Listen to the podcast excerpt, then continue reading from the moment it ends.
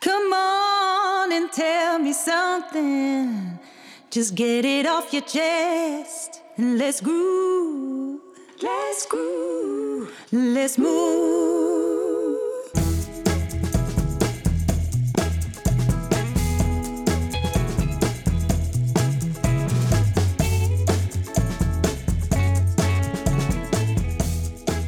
Eh, Nico, waar gaan we mee beginnen? Gaan we beginnen met de haatmail? We hebben er één, eindelijk. Ah, Ah, oh heerlijk. Ja. En eh, Nou, dus- het positieve mail en een ander positief punt. Waar zullen we mee beginnen? nou, kom maar op met de, de doe eerst de rotklussen. Oké.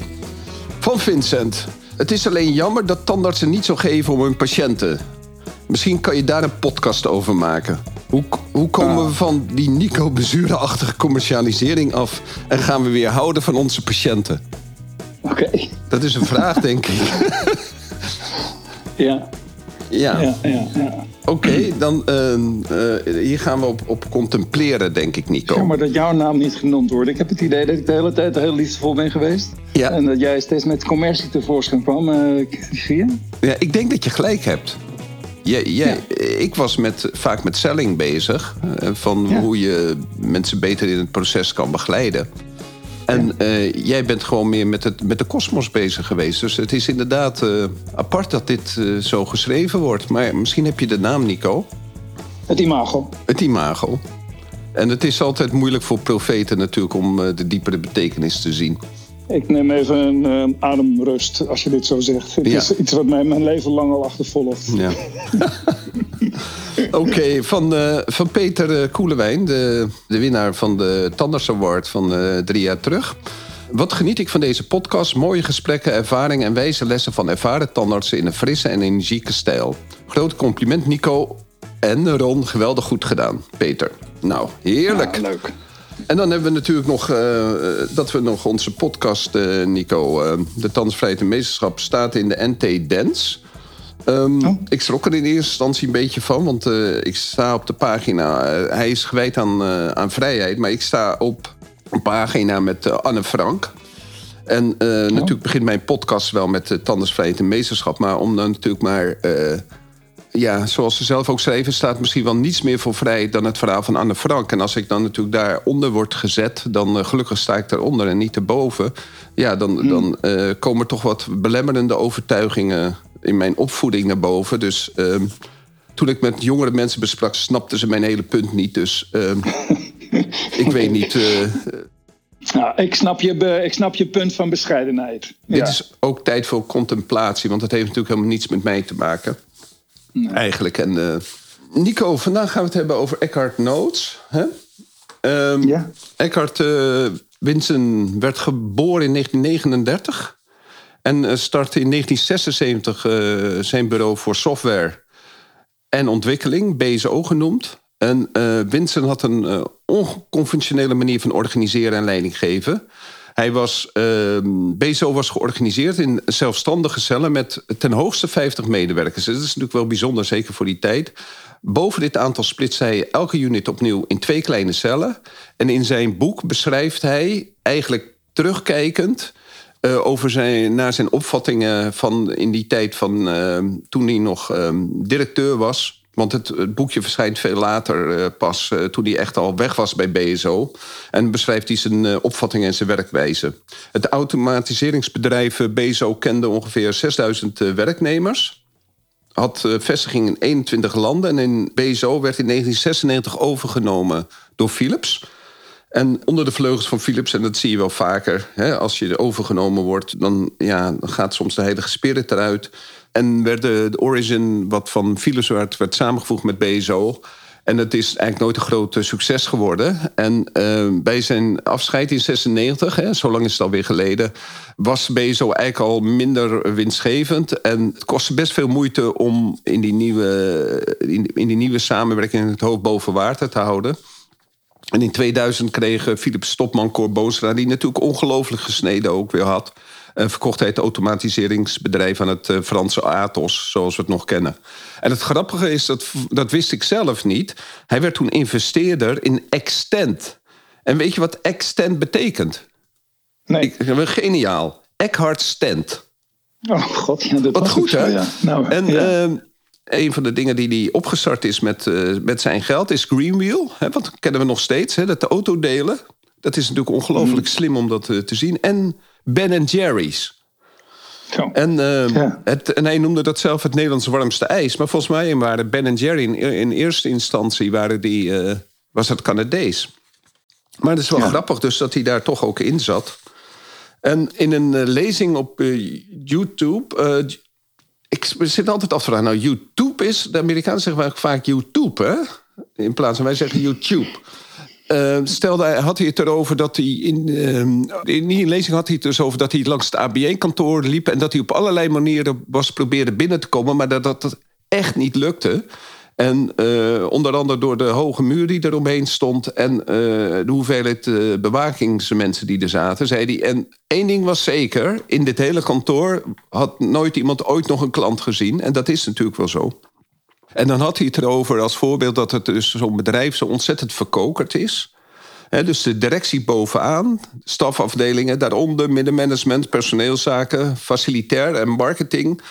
En hij, dan gaf hij als voorbeeld dat hij. ehm Zeg nou dat je personeels Tommy hebt. En Tommy, Tommy die zit wat lager in de organisatie. En die wil minder gewone marketing gaan doen, maar meer internetmarketing. Dus hij vraagt aan zijn directe baas, vraagt Tommy... ehm, zou ik wat meer aan, eh, aan internetmarketing mogen doen? En eh, Jan Willem, zou dat mogen? Nou, nee, nee, zegt Jan Willem, daar ga ik niet over. Dan moet je naar de afdeling marketing. Dus hij gaat naar de afdeling marketing en daar zit Bernard natuurlijk. En Bernard van de marketing die zegt: We hebben het veel te druk. Je komt weer onderaan in de stapel. En het grappige is dus, en elke keer dus weer, is als je dus die organisaties ziet, eigenlijk iedereen is met van alles bezig. Alleen als de klant contact wil hebben met de organisatie, krijgen ze een computer aan de lijn. En dat is natuurlijk een, een, een, situatie geweest die ook in tandartspraktijken op een gegeven moment voorkwam. Hè? Dat, eh, dat mensen eerst weer een keuzemenu moesten invullen. Eerst naar een bandje moesten luisteren voordat ze iemand aan de, aan de lijn eh, kregen. Hebben, hebben jullie dat ook nog gehad, Nico, toen er zo'n eh, zo'n automatiseringsbandje? Dat mensen in de wacht werden Ja, ja. gezet? Kies een 1, kies een 2. Ja. Ja, nou, ik heb wel altijd. De, de- ja, het was wel erg in de mode. Eh, maar de directe opname ging bij ons toch altijd voor. Dus die kwam, uiteindelijk kwam het bandje toch pas als je even niet kon of zo. Ja, ja, ja. Dus eh, als, het, als, het, als je niet binnen vijf keer kon opnemen, dan nam die het over. Maar eh, ja, we kennen dat natuurlijk van die tijd. Hè? Dat, Ja. dat bleek allemaal zo handig. Om, Ja. om de, mensen, de mensen in een soort van eh, queue te zetten. Van eh, bent u eh, in paniek? Eh, kies een één. En anders of, in de pauze bellen. Nee, dat kan natuurlijk niet. Weet je wel? De, de, iedereen die in de pauze eigenlijk zou willen bellen. Maar dan gaat de receptie gaat even pauzeren. Ja. Dus er, er waren natuurlijk best wel eh, confrontaties van wat nou echt dienstverlening is. Dus maar goed, ja, waar je nog iets anders Ja, ik wilde nog iets zeggen. Hij had ook een ongelooflijke hekel aan eh, vergaderingen. Ja, En, dat is ehm, zo. Ja. En een van de grootste dingen die hij vond... is dat er altijd zoveel mensen zijn die je niet niet mag uitnodigen. Iedereen had wel een reden om bij een vergadering te zijn. En dan, eh, ja, en dan kwamen de abonnementen. En de beslissingen werden uitgesteld. En er kwam eigenlijk niks zinnigs uit. En dus het effect was nul. En daardoor vond hij die cellenstructuur eigenlijk zo eh, belangrijk. Waar dat eigenlijk uit ontstond, was dat zodra je meer dan 50 mensen had bij een, bij een, bij een afdeling of bij een bedrijf, dan werd het bedrijf opgedeeld. En die, bedrijf, die, die cellen die waren eigenlijk volledig zelfsturend. Dus je had natuurlijk wel een hoofdkantoor. Daar werd in de eerste instantie voor de investering gezorgd. Maar eh, het hoofdkantoor zette ook de missie uit. En de standaards die, eh, die, er, die er waren. Maar voor de rest, als iedereen gewoon zich. eh, eh, werd gewoon de vrijheid gelaten. Dus iedereen had zijn eigen winst- en verliesrekening. Dus iedereen kon, kon je ook loslaten. Want als iemand bijvoorbeeld heel vaak eh, mensen vrijgaf. of veel personeelsfeestjes had. dan kwam dat natuurlijk op die winst- en verliesrekening terug. En dan ja, deed je toch minder goed dan andere cellen. En dat ging dan zo in zijn werk. Als, dus als, mensen, als ze dus aan 50 of 60 mensen hadden, zeiden ze: Oké, dan gaan we nu kijken hoe we de, de boel gaan opsplitsen. Vaak werd het regionaal beslist. Dus stel dat we in eh, Amersfoort hadden we één eh, BSO-vestiging. Dan werd er gezegd: oké, je krijgt een vestiging Amersfoort Noord en Amersfoort Zuid. En dat gaf natuurlijk heel veel reuring. Want ja, iedereen wilde natuurlijk bij zijn vriendje, of juist niet bij zijn vriendje. Maar uh, er was, omdat het zelfsturend was, kwamen de mensen er, kwamen, kwam iedereen er eigenlijk wel uit. Dat, dat vond ik ook wel zo bijzonder in dat boek.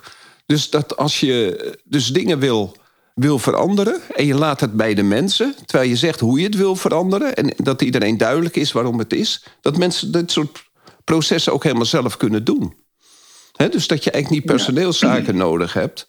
En dat mensen er gewoon, als het eenmaal weer gesplitst is, elkaar als ehm, concurrent zagen, maar ook als, ehm, ook als vraagbaak. want uh, zodra iemand natuurlijk een nieuwe cel startte, dan mocht hij altijd natuurlijk, kon hij altijd terecht bij de, bij de collega's van de vorige cel. Maar hij kreeg natuurlijk ook een aantal mensen mee die bij die ene cel gewerkt hadden. En dat werkte dus heel erg goed, dat zelfsturende. En uh, elke cel moest dus eigenlijk zijn, uh, zijn broek ophouden. En hij, hij, vond, hij heeft het ook altijd een gospel gevonden dat opleiding dat dat door personeelszaken werd uh, geregeld. Wie weet nou, uh, wie van de medewerkers weet nou dat hij een opleiding nodig heeft? Nou, dat is natuurlijk de medewerker zelf. Laat dat dan ook bij die medewerker. En vertrouw erop dat alles netjes wordt, uh, ja, wordt op, afgewikkeld. Nou, op dat punt zou ik wel wat kunnen leren, Nico dat ik. Uh... Ja, er zijn natuurlijk heel veel punten om iets te leren. Ik vind wel, het is interessant. Zou je kunnen denken dat die cellenstructuur, dat die, zeg maar, de, de kenmerken daarvan, zou dat, nou, zou dat nou handig zijn als bijvoorbeeld. Ja, tegenwoordig heb je toch in de, in de tandheelkunde ook de ketenstructuur. Zou dat er nou iets mee kunnen doen. Heb jij, hè, wat, dat zou toch interessant zijn. Hè? De, de, ik geloof dat in de ketenstructuur kan niet zo goed, kan niet zo goed voorstellen hoe dat dan zit met uh, de, de, top van de organisatie die dingen beslist. En, en of de zelfsturendheid van de plekken zelf. De, de, ik denk dat hierin wel een soort van basis zou kunnen zijn. Dat je het gevoel hebt dat je nog dat je een soort van um, eigen bestuur nog hebt in, in het geheel. Ik vraag me af of dat, of dat werkt. En dan, wat ik ook interessant vind, ik, heb bijvoorbeeld hier, um, ik zit hier nu op de Hamermolen en hier om de hoek zit Van de Valk. En daar, ik ken de eigenaar, nou, de familie van de Valk natuurlijk. En die zei op een gegeven moment, ze gaan een hele nieuwe Van de Valk neerzetten in Apeldoorn-Noord. Ze. Ja, ja, het hoofdkantoor. Ja, nou ja, ook een andere tak van de familie, weet je wel. Dat, mhm. kan gewoon zo, maar eh, op een gegeven moment krijgt zo'n familielid, die krijgt uh, die, nou, een soort van opdracht of zo. Van, uh, nou, in ieder geval, we gaan concurreren met onszelf. Maar hij, zag de, hij zei, de, weet je, wij en zij. Weet je wel? Mhm. Dus het was niet, ze gaan dat doen, wij moeten, we gaan verbouwen, want ze gaan daar een hele nieuwe neerzetten. Ja, hij was een beetje gebogen onder, weet je wel. Hij had zoiets van, een gedoe. Dus de, maar het, het dwong hem om nog meer zijn, zijn identiteit te versterken. Want hij, deze die hier dan bij mij om de hoek zit, is, staat bekend uh, als een van de best draaiende in Nederland. Maar dan zetten ze er gewoon eentje naast. Dus op regionaal genoeg afstand staat ook een hele nieuwe tent. Je ziet hem vanaf de snelweg liggen als je uit het, noorden komt. Ziet er nog heel leeg uit. Maar gewoon met elkaar concurreren. En dan zie je dus dat, wat het toch wel ook teweeg brengt. Dat je, dat je ook wordt uitgedaagd. En ik vind dat, uh, dat, ook, dat zie je toch ook wel in tandartspraktijken. En wij zijn dan niet degene die zelf een tweede cel neerzetten. Maar ik heb ook wel een tandarts op bezoek gehad die dan zei... ja, ik wou even kennis maken, want... Uh, ik dacht, er zit hier eigenlijk uh, één praktijk. En hij kwam bij me binnen. En ik zei, nou wat. en toen keek hij om zich heen. Toen zei hij, Jezus, dus dat zei hij letterlijk. Zei hij, uh, hoe, hoe, groot zijn jullie eigenlijk? Ik zei, nou ja, tien behandelkamers. Man, zei hij, als ik dat had geweten. Hij had helemaal niet echt goed onderzoek gedaan. maar hij ging om de hoek zitten bij mij met, met één, twee stoelen. Krokwit was het toen. Hoe is het afgelopen? Ja, nou, dat was. Heeft, hij, nou, heeft hij misschien dat briefje geschreven? Dat je moet ophouden met die commercialisering? Ja, misschien. misschien. Hoe is het afgelopen? Nou, hij is, inmiddels is hij overgenomen door uh, een stukje keten, geloof ik. Maar de, het is goed afgelopen, want we gingen. Hij zei: Jee, wat interessant. Wat doen jullie dan allemaal hier? Want ik dacht, één tand om de hoek, dus ik ga ook in deze buurt zitten. Uh, maar ik wist niet dat jullie zo groot waren, want dan had ik dat denk ik niet gedaan. Uh, maar uiteindelijk zei, vroeg hij dus ook hoe dat ging met specialisaties en of hij dingen kon verwijzen. En uh, we zijn elkaar lekker gaan helpen. Ja, zo is het nou eenmaal. Nou, zo is, zo hoort het, hè? Allemaal goud eerlijk. Allemaal goud eerlijk in de Jordaan. Goud eerlijk in de Jordaan. Allemaal eerlijk open. Kijk, wat Winston wel goed deed, het van de, als ik nou zo naar zijn gedachtegoed kijk, dan zie ik dus die enorme zelfstandigheid en die betrokkenheid van de medewerkers in een bedrijf. Daar ben ik in de tandartspraktijk wel, ja, daar ben ik wel eens jaloers om. En ik denk, um, wij zijn zo ja, we zitten zo in een soort van. Uh, mensen hebben wel eigen verantwoordelijkheid, maar het gevoel van het, runnen van je bedrijf is niet iets uh, waar ik het idee heb dat we dat delen met elkaar. Ik weet niet hoe jij dat ziet, maar ik heb niet het gevoel dat we een bedrijf, de bedrijfsvoering met elkaar delen. De, in de bedrijfsvoering is het toch vaak zo: ja, jullie moeten overal voor zorgen en wij hebben fijn werk of zoiets. En, uh, om strategisch naar een bedrijf te kijken of om te kijken naar concurrentie. Daar moet, daar moet je het vaak over hebben. En dan zie je de blikken een beetje afdwalen. Uh, dus, en hij, hij zegt heel duidelijk: we zijn een dienstverlenend bedrijf, geen productverkopend bedrijf. Dat vond ik wel een, een soort stellingname. Hè? Dus de dienstverlening en het product dat vond ik wel een mooie tweesplitsing. Ik denk dat wij dat toch ook. Je zou ons product heel duidelijk kunnen zien, wat wij natuurlijk in de mond doen. Maar die dienstverlening die staat toch, toch bovenaan. En dat is iets waar we iedereen heel erg van moeten doordringen. En. Uh, wat hij ook standaard deed, dat vind ik wel mooi, is dat hij sprak altijd van tien, minstens tien uh, cursusdagen, opleidingen en trainings, opleidingsdagen per individu. Hè. Dan mochten ze dan zelf bepalen hoe of wat. Tien dagen per jaar, standaard. En hij had een ongelofelijke hoeveelheid sociale bijeenkomsten. Ja, ongelooflijk veel. Ja, en. en uh...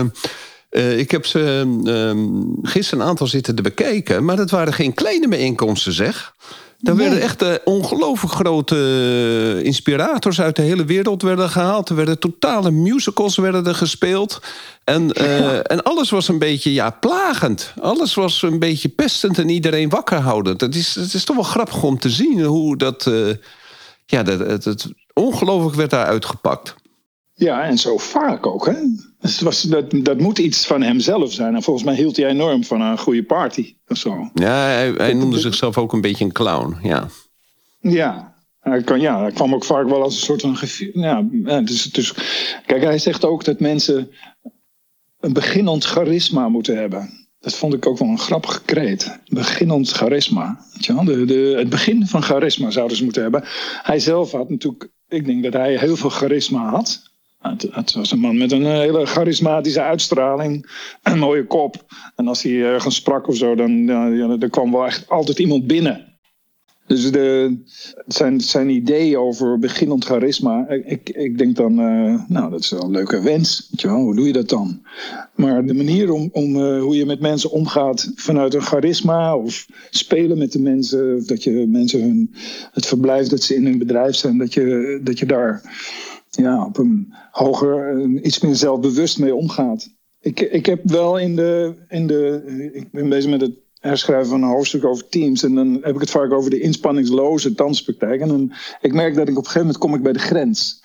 Waar inspanningsloos eindigt en de inspanning begint. En ik merk dan dat net het verschil is tussen echte top, zeg maar. En denken dat je het zonder inspanning kunt doen. Dus uiteindelijk is toch die, het nemen van eigen verantwoordelijkheid, waar hij zo graag op inspeelde en waar we later met de boeken van Semco ook veel van hebben gezien, was natuurlijk. Uh, hij wilde toch heel veel betrokkenheid hebben. En ik ken één tandartspraktijk, ik weet niet of jij die ook kent, met Thomas Wermenbol. Die ken je, die ken je natuurlijk, ja, natuurlijk. maar die is een echte, dat is een echte Semco-man geworden. Vond ik altijd wel mooi, om, uh, die heeft ook een, een Semco-club ingehuurd om zijn praktijk te organiseren en te reorganiseren. En hij liet dus veel meer, hè, dus de, het idee over uh, hoe het bedrijf gerund werd. Nou, ze kregen veel meer informatie. Ze mochten veel meer eigen beslissingen nemen. Dus hij heeft, dat is een mooi voorbeeld van een tandartspraktijk die dat ik, vond het, ik vind Thomas altijd een heel mooi voorbeeld van dingen proberen. Weet je wel? Nieuwe dingen proberen. Heeft dus heel erg die Semco-stijlen in een, in een tandartspraktijk. Dat is toch wel weer mooi. Dus je zou kunnen zeggen, je hebt Eckert Winsen, die uh, had het altijd toch wel... Ik, bij Winsen, als ik zijn boek bekijk, dan denk ik... ja, het gaat wel heel erg over celstructuur. Uh, en als je Semco leest, dan gaat het heel erg over... Uh, ja, je hebt wel protocollen, maar je hebt ook de... doe maar, uh, gebruik je gezonde verstand gids. Je wel? Dus de, een heel klein fotoboek over wat, wat gewoon uh, absoluut een vereist is. En de protocollen die gaan vaak op de achtergrond. En de gezond verstandgids, die zou bij wijze van spreken met, met tien foto's aan de muur kunnen hangen. Zodat je altijd weet wat in ieder geval. Maar ze zeiden ook, hè, bijvoorbeeld bij Semco, en dat zeggen ze bij Winster ook. Gebruik je gezonde verstand, vraag niet alles. Vraag gewoon niet alles. Ik heb liever je excuus aan het eind dan een toestemming vragen aan het begin. Ja, Winston noemde dat uh, natuurlijk het recht op fouten te maken. Ja. Maar het is ook de, het recht op een bepaalde mate van verwaarlozing. He, zoals je eigenlijk ook met kinderen moet doen, dat is zijn mening, is dat je niet te veel voor de kinderen moet, uh, moet denken. Als een kind uh, hamert, ga dan niet zeggen dat hij op zijn vinger kan slaan. Dat heeft geen zin. Wacht tot hij op zijn vinger slaat, want dan heeft hij het voor de rest van zijn leven, weet hij dat. En uh, wees niet, dus niet te proactief met je kinderen. En hij zag zijn werknemers ook als kinderen die, die, uh, die onder zijn vleugels uh, het leven in moesten. En hij vond het dus echt heel belangrijk dat je mensen op een gegeven moment gewoon die routine moesten opbouwen. Dat ze op een gegeven moment ook onderbuikgevoelens kregen over, omdat ze een bepaalde ja, bepaalde uh, vaardigheid hadden gekregen. Doordat ze veel fouten hadden gemaakt. Waardoor ze op een later moment konden zeggen: jongens, dit voelt niet goed, dit gaan we zo niet doen. Maar dat kwam dat eigenlijk niet omdat dat uit het onderbuikgevoel kwam, maar kwam dat, dat kwam altijd uit de jarenlange ervaring, jarenlang fouten maken. En hij vindt dus dat iedereen recht heeft op verwaarlozing. En dat is iets wat ik uh, zelf uh, nog niet helemaal uit ben binnen mijn praktijk. Ik ben wel een aantal dingen aan het veranderen. Maar die verwaarlozing, dat vind ik wel, wel moeilijk. Want ik denk dat je alleen over verwaarlozing kan spreken als je, gaat, als je omgaat met professionals. Ja. Dus de, ik denk dat hij bedoelde dus niet de hele cel. Je verwaarloost meer de directie van de cel. Snap je? Je, gaat, je staat er niet op. Je, je vertrouwt op hun boerenverstand. Maar ik denk dat als je lager in de organisatie komt ja, dat, je dan, dat je ze dan echt wel op het hart moet, uh, moet drukken van... hé, hey, jullie moeten wel een opleiding doen. Hè? Jullie moeten wel dat doen en je moet wel binnen bepaalde kaders doen... want anders kan het ook tot de inactiviteit leiden natuurlijk. Kijk, het was natuurlijk een waarschuwing, een, een, waarschuwing dat hij wilde niet dat die leiders er zo boven, ouderwets bovenop bleven zitten. Nou, dat is dus waar, ja. Dat is, dat, is, dat is de essentie van die verwaarlozing. Geef die mensen toch hun eigen verantwoordelijkheid. Heb nou toch eens een keer vertrouwen. Hou je bezig met waar iedereen moet, moet zich bezighouden met wat echt belangrijk is vanuit je eigen functie gedacht. En zit niet te pamperen. Weet je wel, het zijn allemaal volwassen mensen. Dus de, ik denk ook dat dat, dat, dat was de stelling. Dat, dat uh, veel uh, leiderschapsmodellen was toch uh, een beetje doodmanagen van eigen initiatieven die juist zo mooi zijn. Ja, dus waar. En uh, ook als je uh, in een tandartspraktijk, ook als je iets nodig hebt of zo, dat, dat die structuren, je noemde het al aan het begin, die beslisstructuur, dat is ook om gek van te worden. Hè? Als je, je zit in een iets grotere organisatie en dan heb je bijvoorbeeld uh, je hand- of hoekstuk werkt niet goed meer. Kan ik hem insturen ter reparatie? En dan kan het dus zijn dat in de ene praktijk, dan zegt zo iemand, hoezo vraag je mij dat? Weet je wat? Doe dat, regel dat gewoon graag zelf. Dat is ook als leider of als baas of als manager, wil je eigenlijk niet eens lastiggevallen worden. Als iemand dat, het is zijn eigen belang, en zorgt voor een goede uh, uh, boeking, zeg maar, even registreren welk hoekstuk er verdwijnt. En dat je gewoon bedenkt, ja, waarom moet ik daar tussen gaan zitten? De nood is hoog. En, uh, en uh, je eigen, je, je, dus neem je je eigen verantwoordelijkheid. Dus ook, mag ik iets bestellen? Of mag ik naar deze cursus? Hoe vind je dat? Ik ben altijd verheugd als, uh, als mijn personeelsleden, mijn teamleden bij mij komen. Gisteren nog kwam een van mijn teamleden bij me binnen en die zei, hoe gaat het met je? Ze had iets achter de rug. heb je een fijne dag? Ik zeg, wat is het wat je van me wil? is dat nou, je zou kunnen denken, is dat nou het gevoel wat je krijgt als je baas het aan je vraagt? Dus in dit geval vraagt mijn teamlid dat aan mij. Hoe gaat het met je? Dus ze wil iets van me. Oké. En ze haalt een formulier achter zich vandaan. Zegt, ik wil graag naar deze cursus toe. Vind je dat goed? Ik zeg, dan nou, vind je dat goed. Ik vind het juist hartstikke leuk dat je daar zelf mee komt. En ik zeg, vertel me wat je daar leert. Ik vind het, eh, dan, kunnen we het erover hebben. Maar uh, natuurlijk, ik heb, ik heb dat, dat, ik omarm die initiatieven. Maar je ziet dus dat, dat je de, die, juist die gretige mensen in je bedrijf stimuleren met eigen verantwoordelijkheid. Is natuurlijk, is natuurlijk fantastisch. Dat, dat wil je toch eigenlijk. Weet je? Dat die mensen die gaan gewoon voor het hogere. En uh, het zijn wat we noemen. Het is het verschil tussen knechten en rentmeesters. Ik weet niet of je dat begrip nog kent. Ja, ja, ja. ja. De, dat vond ik altijd zo'n mooi uitgangspunt. Hè? Dat, je, dat je eigenlijk, dat doet Vincent dus ook. Die zegt gewoon: ik geef uh, uit, ik, ik, ik leg uit wat de bedoeling is. De mensen pakken het op.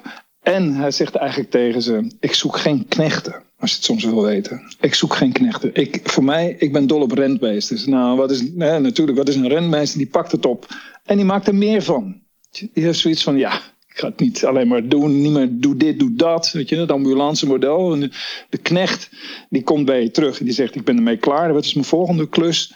Nou, dat is dus de, de hele risico van die verwaarlozing waar jij het over hebt. dus de, ik denk dat later al die hogere. Er zijn natuurlijk later steeds meer. Um, op dezelfde manier is er steeds vaker gezegd: hoe, hoe krijg je dan. Oké, nou stel dat je die mensen. Ik heb ook wel eens gezegd: een tandartspraktijk uh, of kleine praktijken die tot een geheel horen. Is het dan een armada? Zijn het allemaal kleine scheepjes, maar hebben we wel een hoger doel? Hebben we een doel, duidelijk vizier in de, voor ons uit? Maar zijn het toch kleine kapiteintjes op hun eigen schip?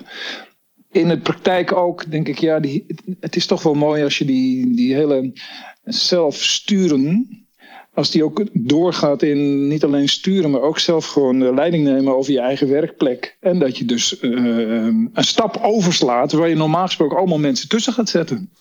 Ja, en, het is, en uh, het is natuurlijk. Uh, maar, en daar hinken wij natuurlijk op twee benen. Als je die cellenstructuur had, dat was natuurlijk een, eigenlijk al een middelgrote of een grote tandartspraktijk met 50 personeelsleden. Um, ze, ze, mochten en konden alles doen. Maar ze moesten natuurlijk ook wel op het eind van het jaar een goede winst- en verliesrekening hebben. En ja. um, dus dan kreeg je toch uh, dat er onderling werd beslist van jongens, het is misschien niet zo handig, want we hebben al uh, veel gedaan dit jaar. En misschien moeten we toch meer uh, cursussen doen die direct geld opleveren. Of dat soort dingen. En dat is natuurlijk wel het, het beetje het punt van ook in die cellenstructuren waren natuurlijk die mensen die zeiden van nee, dat kunnen we beter niet doen. Hè? Want je hebt natuurlijk altijd de eerste onder de gelijke. En dat heb je dan natuurlijk ook in de tandartspraktijk. Dan, eh, dan is de tandarts toch weer de eerste onder de gelijke.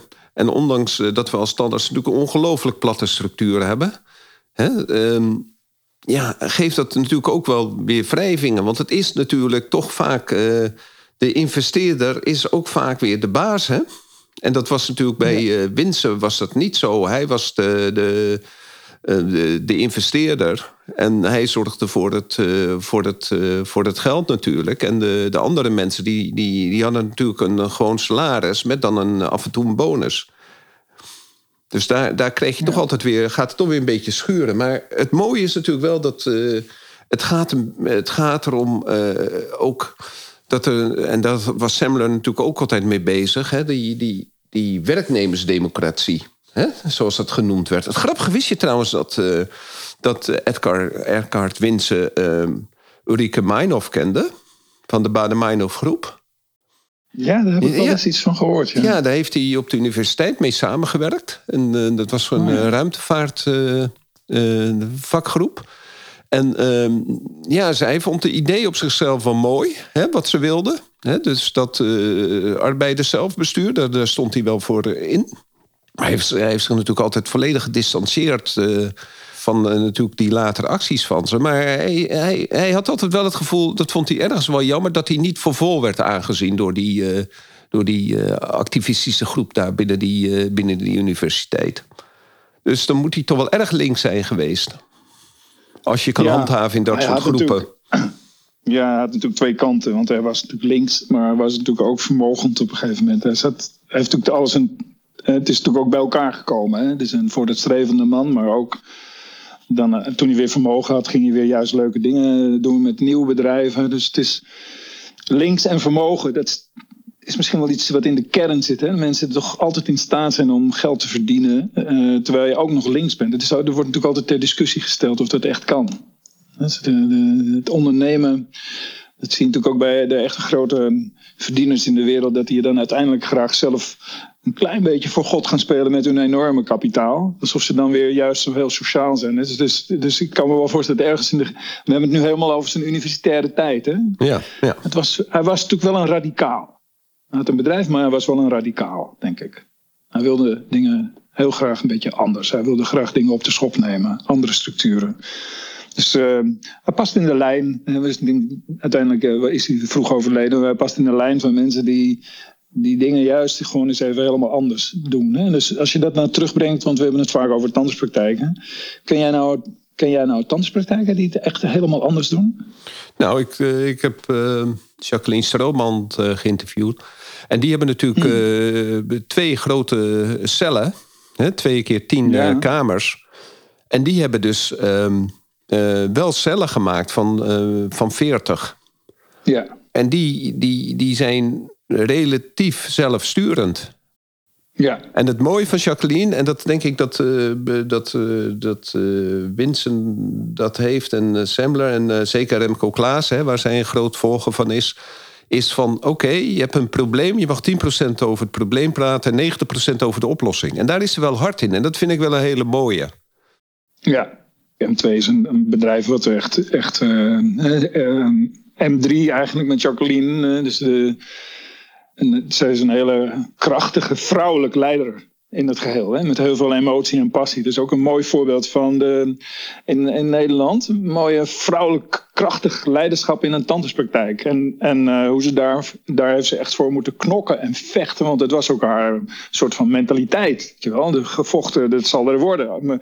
Ik denk in Nederland zijn er natuurlijk uh, hele diverse uh, mooie tandartspraktijken. Van klein tot groot. Ehm, ik vraag me wel eens af het stabiliseert al zo lang, tandartspraktijken. Ik vind dat er al heel lang, ik vind dat we al heel lang een soort beeldvorming zien.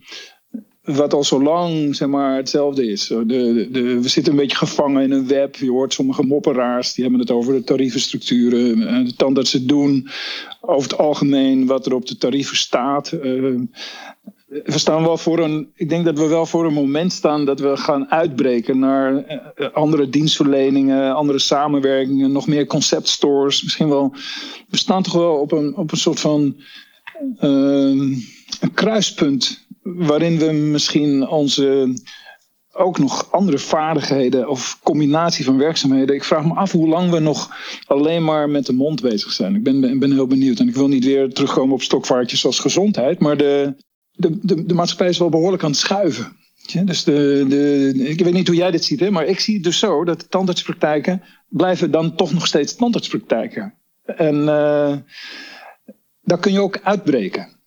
Dat heb ik het idee. Ik denk dat je kunt uitbreken. Als ik het nou vergelijk in de historie, dan denk ik van waar is het nou verschoven? Dan denk ik, ja, we zijn verschoven toen we bijvoorbeeld van één kamer naar meer kamers zijn gegaan. Toen we van uh, voornamelijk curatief naar preventie zijn gegaan. En nu denk ik dan, oké, wat is nou, wat zou dan de volgende ontwikkeling zijn? Of, of, of zou het zo zijn dat als we straks geen karies meer hebben, dat de tandarts niet meer nodig is? Nou, dat denk vraag ik me dan af. Ja, dat, dat denk ik niet. Dan zullen we wel weer wat uitvinden dat ze wel karies krijgen, toch? Ja. Maar de, uh, hoe, hoe, denk jij dan dat, uh, dat Ricardo Sembler erna gekeken had? Als ik naar, nu naar de ketenstructuur in Nederland kijk, dan is het volledig top-down. Daar wordt, ja. uh, wordt niets beslist op lager niveau. Um, prima als je niet wil nadenken over het leven. Als je wil, meer wil nadenken over je leven, over je praktijk. Um, dan wordt dat uh, binnen, de, de, binnen de koken van een keten wordt dat, uh, je wel heel moeilijk gemaakt. Er zijn natuurlijk nu wat, wat nieuwe ketens op de markt die het, uh, die het mogelijk wat anders doen. Hè? Die het weer meer terugleggen bij de, bij de praktijken omdat het uh, gewoon dat mensen zien van uh, het zijn gewoon winstgevende, uh, winstgevende instituties waar ik mijn geld kan stallen zonder dat ik belasting daarover hoef te betalen. Iedereen zit met, met, met het warme geld in zijn handen. En dat wilden ze kwijt. Dus, en dan zijn tandartsen toch wel een. tandartsclubs zijn natuurlijk wel mooie die gewoon 8% uh, in ieder geval uh, zelf winst draaien. En dan als je nog uh, slim bent op de techniek kan je nog winst draaien. En dat, dat gaat wel goed komen met zo'n met zo'n stroom. Maar ik zou eigenlijk wel... Misschien zou er toch een tandarts moeten zijn die het... die een, een, die, die een keten maakt die dit soort dingen die jij propageert voorstaat, Nico. Er, er moet iets gebeuren want ik denk, zoals, het nu, nou de, zoals het nu in die ketenstructuur gaat. uh, maak ik me wel uh, zorgen over de, de, over de tandartsen. Over de tandarts-eigenaren. Ik, ik, denk dat het ondernemen is wel heel belangrijk om uh, verder te komen in het leven. Ik denk dat het iets heel belangrijks is. Een inspanningsloze praktijk is volgens mij alleen maar als je ervoor zorgt dat er flow ontstaat. En, ik denk dat er alleen flow ontstaat als de praktijkeigenaar daar ongelooflijk veel uh, liefde in stopt. En um, of degene die chef de kliniek is, ook heel veel vrijheid geeft, krijgt van het hoofdkantoor om het op zijn manier te doen. Hè? Zoals Winston eigenlijk deed. En vertrouw die professionals, vertrouw die professionals. Ik denk dat het een. Uh, dat, dat wordt waarschijnlijk een hele andere aflevering. Maar de, kijk, als je een bedrijf overneemt en je, je hebt eigenlijk vooral en alleen affiniteit met uh, rendement en geld.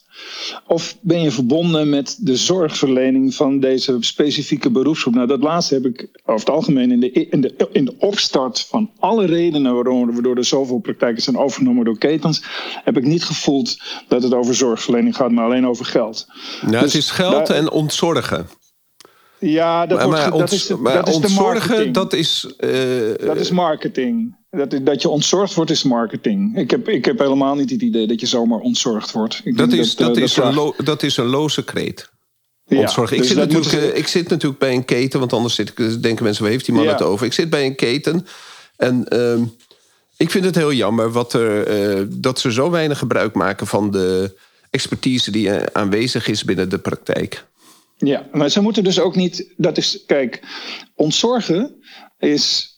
Dat moet je eigenlijk wegnemen. Hè? Dat moet eigenlijk helemaal niet. Dat is dus marketing. Je, de, de, de, eigenlijk moeten er een paar dingen gebeuren. Hè? Dus er zou sowieso de reden om je praktijk aan een keten te verkopen. moet eigenlijk niet het geld zijn, maar moet uh, meerwaarde zijn.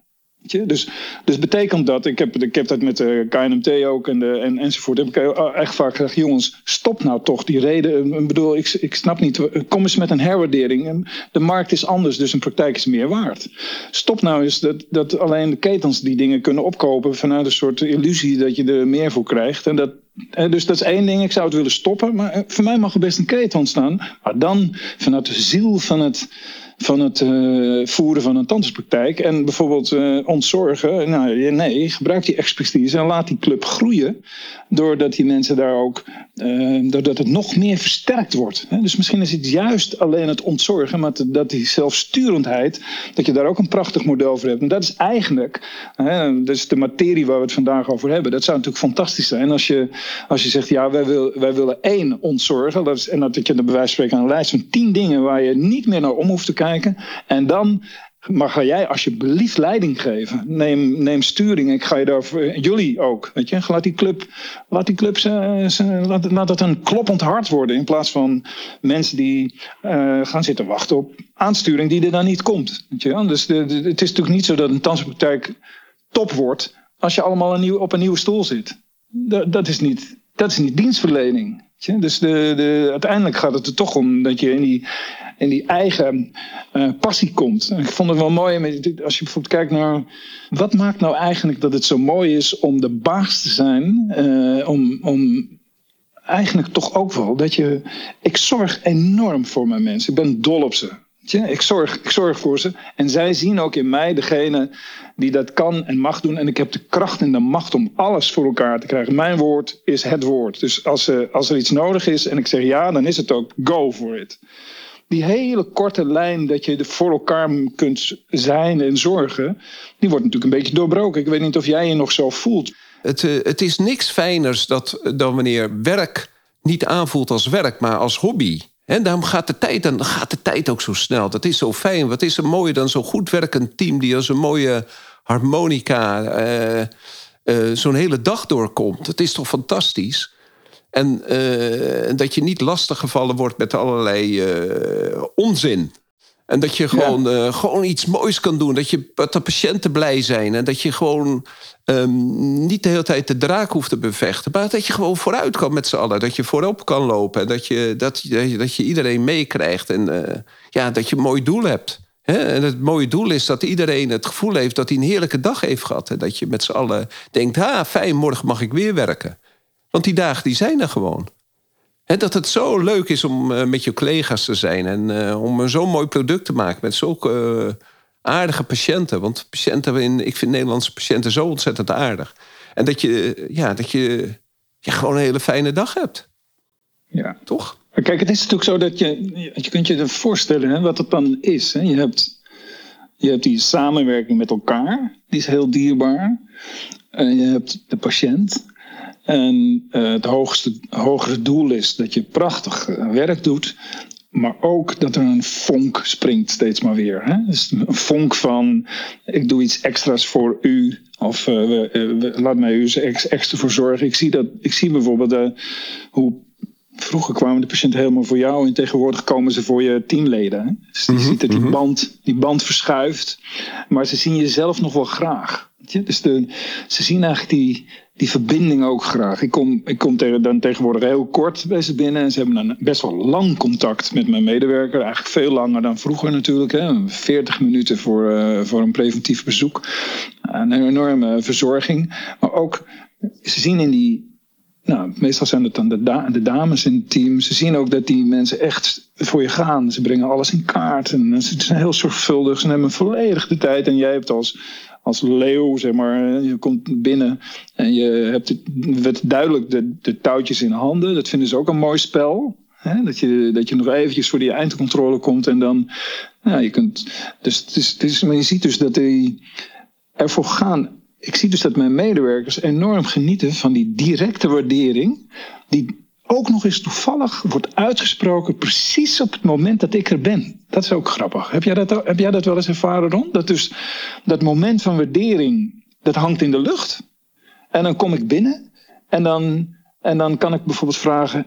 Zo, u bent weer goed verzorgd. En dan begint dat te lopen. Weet je wel? Dan komt die patiënt die zegt... Nou, ik, word echt, ik ben echt van fantastisch verzorgd. Door de, Ik ben zo, ben zo blij. Dat, dat zijn die momenten die kun je dus. Dat vind ik dus eigenlijk. Dat is bijna mijn taak. Maar ik doe het ook. Ik doe het niet eens bewust. Maar ik, ik, ik weet het. Ik zie het. En ik weet het. En ik weet dat het eigenlijk een indirecte manier is. Het is toch dat. Dat wat, die waarderingsspiraal die steeds hoger komt. Maar die elke keer even een klein bedoel, als die nou de hele dag even vonkt, weet je wel. Dat die mensen die zeggen dan ook, ach, ik wil alleen nog maar bij haar terug. Het is echt zo fantastisch. Ze doet me totaal geen pijn. Ik, heb het nog nooit zo ervaren. Of wat is ze aardig voor me en, en streng ook, weet je wel. En dan hebben we nog even dat spel. Ik word bijvoorbeeld gehaald en dan zegt ze, nou, deze moet echt even aangepakt worden. Nou, dan doe ik dat ook, weet je wel. En dan, uh, dan kan ik daar ook in het, in het spel. Ik zeg zo, ik zeg dus, ik begrijp dat jij ehm, jij zocht een schoonmaker in plaats van mijn professionele Sanne die uh, jouw coach hoort te zijn. Ik zeg, dus dat betekent dat jij dus haar instructies, hoe, hoe zo denk jij dat je hier alleen maar komt voor schoonmaken? En dan zie ik mijn, mijn teamlid, die zie ik dan echt denken, go on, weet je wel. Pak hem aan, want uh, dus dat hele spel en dan, dan zie je die schuld en boete en complimenten en waardering. Nou, wat een energie. En dat allemaal in een paar minuten dat ik daar ben. En uh, de rest dan kunnen ze. En dan, dan hebben we het, nou, het spel. Het spel gericht op het resultaat gespeeld. Ik denk dus dat eh, deze energie, die, als die lekker loopt, ja, dan ben je toch heerlijk bezig met elkaar. En de, uh, dat is op zijn minst één van de dingetjes die goed moet blijven draaien. Ja, maar het is ook heel leuk, want je hebt al heel veel lol daardoor. Als mensen mij een compliment geven, dan is het eerste wat je moet doen dat je het eh, dat de compliment natuurlijk accepteren. Maar daarnaast dat je het een drie-eenheid maakt. Hè? Dus dat je, je, uitlegt wat de, hoe goed de assistente gewerkt heeft. Hè? De, wat ze allemaal gedaan heeft zonder dat de patiënt het doorheeft. Maar dat de patiënt het ook heel goed gedaan heeft. En dat je dus dat je laat zien dat je met z'n drie een prachtig team bent geweest deze dag. En dat je ook de patiënt daarvoor hartelijk bedankt. En dat, en dat geeft gewoon altijd. Uh, dat geeft altijd vrolijke mensen, maar ook de assistenten. De, ook dat je dan zelf weer beseft hoe goed ze je geholpen heeft.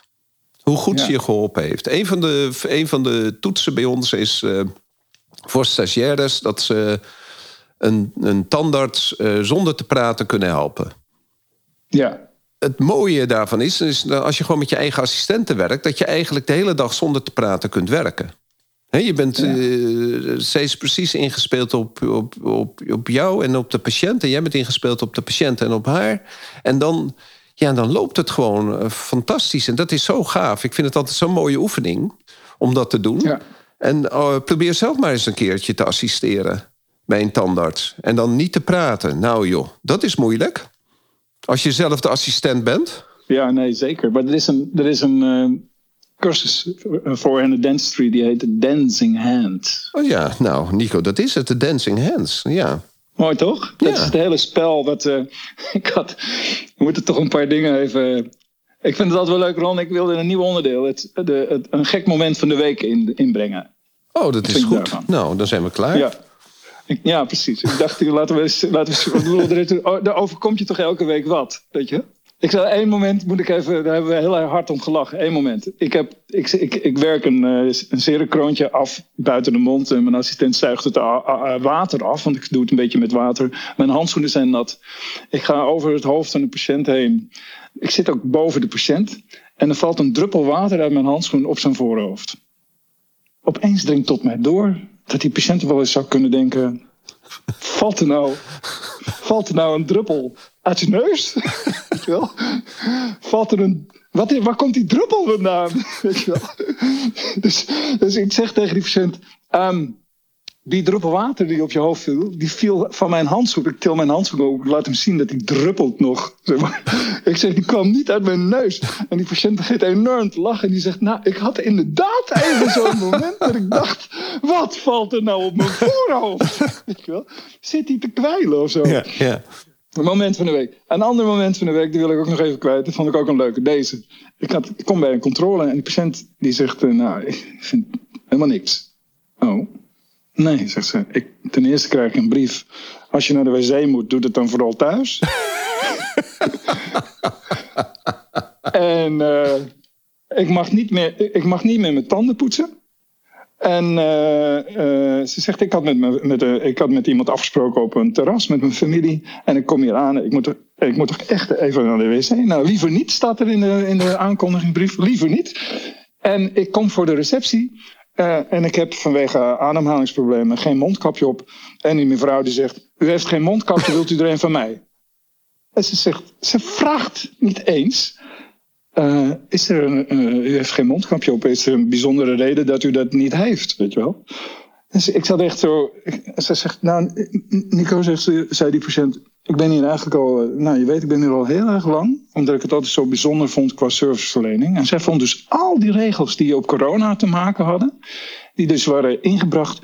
Die vond ze allemaal heel erg uh, uh, top-down. Ja, zeg maar. beperkend. Ja, ja top-down. In, in de, in de, ze zegt dus eigenlijk vind ik er helemaal niets meer aan. Mm-hmm. En dan ook nog bij de receptie. Dat die mevrouw niet eens vraagt. Die kijkt me aan. Die zegt, je hebt geen mondkap, wil je er een van mij? Zegt ze, nou, ik, uh, ik ben echt van slag. Ik weet eigenlijk niet of ik nog terugkom. Ik zei, jongen. Ik zei, nou. Uh, ik nou, ik, ik, draai het hele bandje terug. Ik loop ze allemaal na. Ik, ik zeg, ik geef iedereen feedback op dit stukje. En ik hoop dat je er vertrouwen in hebt, want ik snap, ik snap heel erg je gevoel. Zeg, maar, maar ben je dan helemaal niet, ben je dan niet onder de, ik zeg, heel veel mensen vinden het juist fijn dat die coronaregels er zijn. Nou, ze, ik heb je net gezegd wat ik ervan vind. Dus daar, ik, en dan, eh, wat ik dan zelf altijd doe op zo'n moment, is dat ik denk, dit is live voorbeelden zijn altijd zo krachtig. Om direct even te bespreken met een hele club of wat dan ook. Zet hem even online of spreek hem in van het, het probleem van de dag. Uh, die leggen eigenlijk je hele stuk bloot over dienstverlening. Nou, dat, ik dacht, vind het niet leuk om een. Heb jij nog iets leuks meegemaakt? Want misschien heb je, voel je je nu ondergesneeuwd of moet je er een bewaren tot volgende week. Nou, nee. Uh, ik had maar een hele kleine. Nee. Ja. En, uh, uh, ja, wij, wij hebben af en toe de coronaregels niet helemaal. dus een meneer was meegelopen met zijn vrouw. En ja, ik moet er nog om lachen. Die meneer was meegelopen met zijn vrouw. En de, dus moesten foto's genomen worden. We hebben de, de, de camera aan de stoel hangen. Dus de, de patiënt ging de deur uit. En toen zei die vrouw: Geen foto's nemen, geen foto's nemen. Ik ben zwanger, maar niet van hem. Dus hij mag het niet weten. Doe net of je foto's neemt.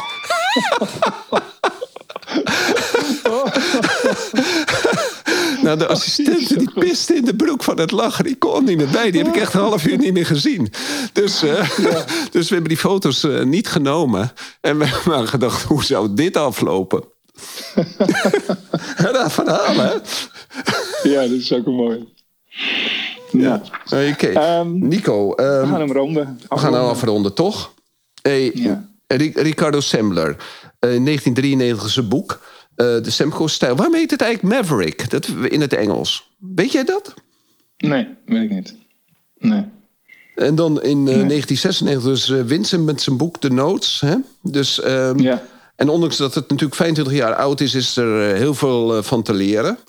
En ik denk dat ook uh, zeker tandartspraktijken hier van zijn lessen maar weinig eigen gemaakt hebben. En uh, voor mij is eigenlijk de belangrijkste les die erin staat: coach, blijf van de bal.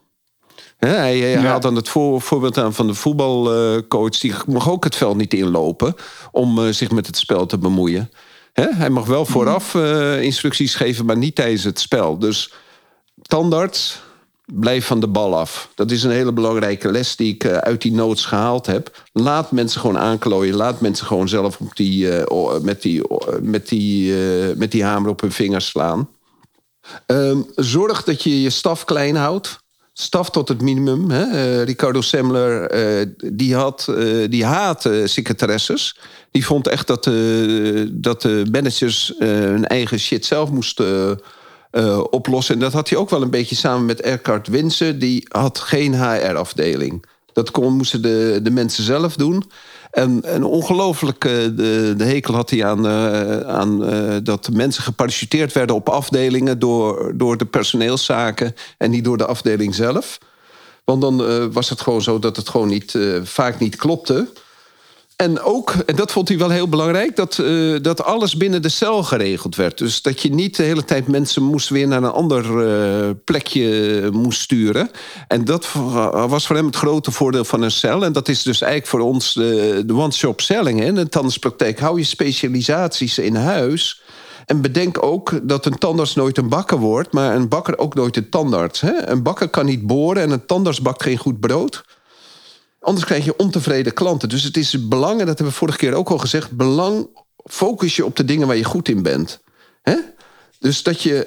Uh, dus niet alleen uh, op je efficiency... Uh, uh, zorg dat de efficiëntie heel goed loopt... maar zorg ook gewoon dat je de dingen doet waar je goed in bent. Dat is natuurlijk ook heel goed voor je eigen flow?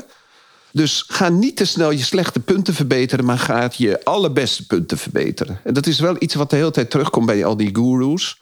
Ga nou niet die viertjes en die vijfjes, zesjes, zeventjes maken. Maar ga gewoon die, die acht en negen tienen maken. En dat geldt ook voor je personeel. Stop niet al je tijd in die... Hè, voor scholen geldt ook. Stop niet al je tijd in die slechte leerling. Maar, laat die bovengemiddelde leerling excelleren. Klopt. Nou, ik vind het wel een mooie. Hè? Dus dat je eigenlijk zegt... Werk gewoon elke dag echt aan je idealen. En stop met het te veel tijd bezig zijn met geneuzel. De mensen hebben beweging nodig. Gewoon uh, in beweging naar het hogere. Dat, is, dat vind ik ook mooi. Ik vond het wel leuk. Stress in een bedrijf. Dat staat er in het boek van Semco dan weer. Die zegt: Oh, dat is duidelijk. Dan zijn er kinderlijke doelstellingen. En er is een onvolwassen organisatie. Nou, ik vind het wel uh, kinderlijke doelstellingen. Dat vind ik wel leuk. We kunnen daar nog wel eens zo over praten. Maar uh, ik ben ook. nou, ik ben het eens met je opzomming, Ron. Mooi, mooi, mooi gedachtegoed om uh, die verantwoordelijkheid en die sturing echt onder de mensen te brengen en te kijken wat er gebeurt. Maar ook, ik denk dat nog altijd blijft het nog zo dat je ook met de juiste mensen moet werken. Ik ben daar nog steeds een heel erg voorstander van. Dat je niet, niet alleen maar moet doormodderen met mensen die er eigenlijk niet bij horen. Wat ik nog een, een belangrijk gegeven, vond ik wel, daar moet je eens op letten met Semco bijvoorbeeld. Die zei, geen familie, wel vrienden. Hij wilde absoluut niet naar het bedrijf kijken alsof het één grote familie is. De wij zijn een familie. We mogen vrienden zijn, maar niet familie. Daar, hij, Semco had daar echt een. Hij kwam zelf natuurlijk als familielid, nam hij de leiding over van zijn pa. Dus dat is, dan, dat is dan misschien de enige uitzondering. Maar eh, wij zijn natuurlijk nog wel eens geneigd om, om een tandartspraktijk te omschrijven als een. We zijn zo'n leuke familie. Ik denk dat het best wel een mooie shift is om te denken: nee, voor vriendschappen moet je meer doen. En familie, daar, daar zit toch. Dat is een andere andere energie, zeg maar. Ik, vind, ik denk dat het goed is om uh, misschien om dat eens even te realiseren. Wat is mijn benadering? Zit ik hier, uh, probeer ik met een club vrienden? Dat is toch, vrienden zeggen elkaar toch meer de waarheid. En familie zitten allemaal van die ondergesneeuwde processen uh, die misschien niet meer aan het licht komen. Of dat je het als vanzelfsprekend beschouwt of zo. Voor vriendschappen moet je echt iets doen. Dus, nou, ik denk dat we mooi klaar zijn, hoor. Mooie afsluiting, Nico. Alsjeblieft. Oké jongens, tot volgende week. Tot volgende week allemaal. Half negen, zelfde tijd. Bye bye. Dankjewel Nico. Hoi.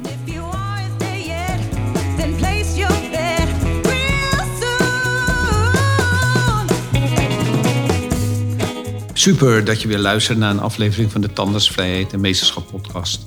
Ik zou het zeer op prijs stellen als je een review achter zou laten. Je kunt je ook abonneren op deze podcast. Klik dan in de podcast-app op de button subscribe en je ontvangt automatisch een berichtje bij een nieuwe aflevering. Ken je iemand die deze podcast ook leuk zou vinden? Deel deze dan. Via Spotify kan je dat heel simpel door op de drie puntjes te klikken en te delen.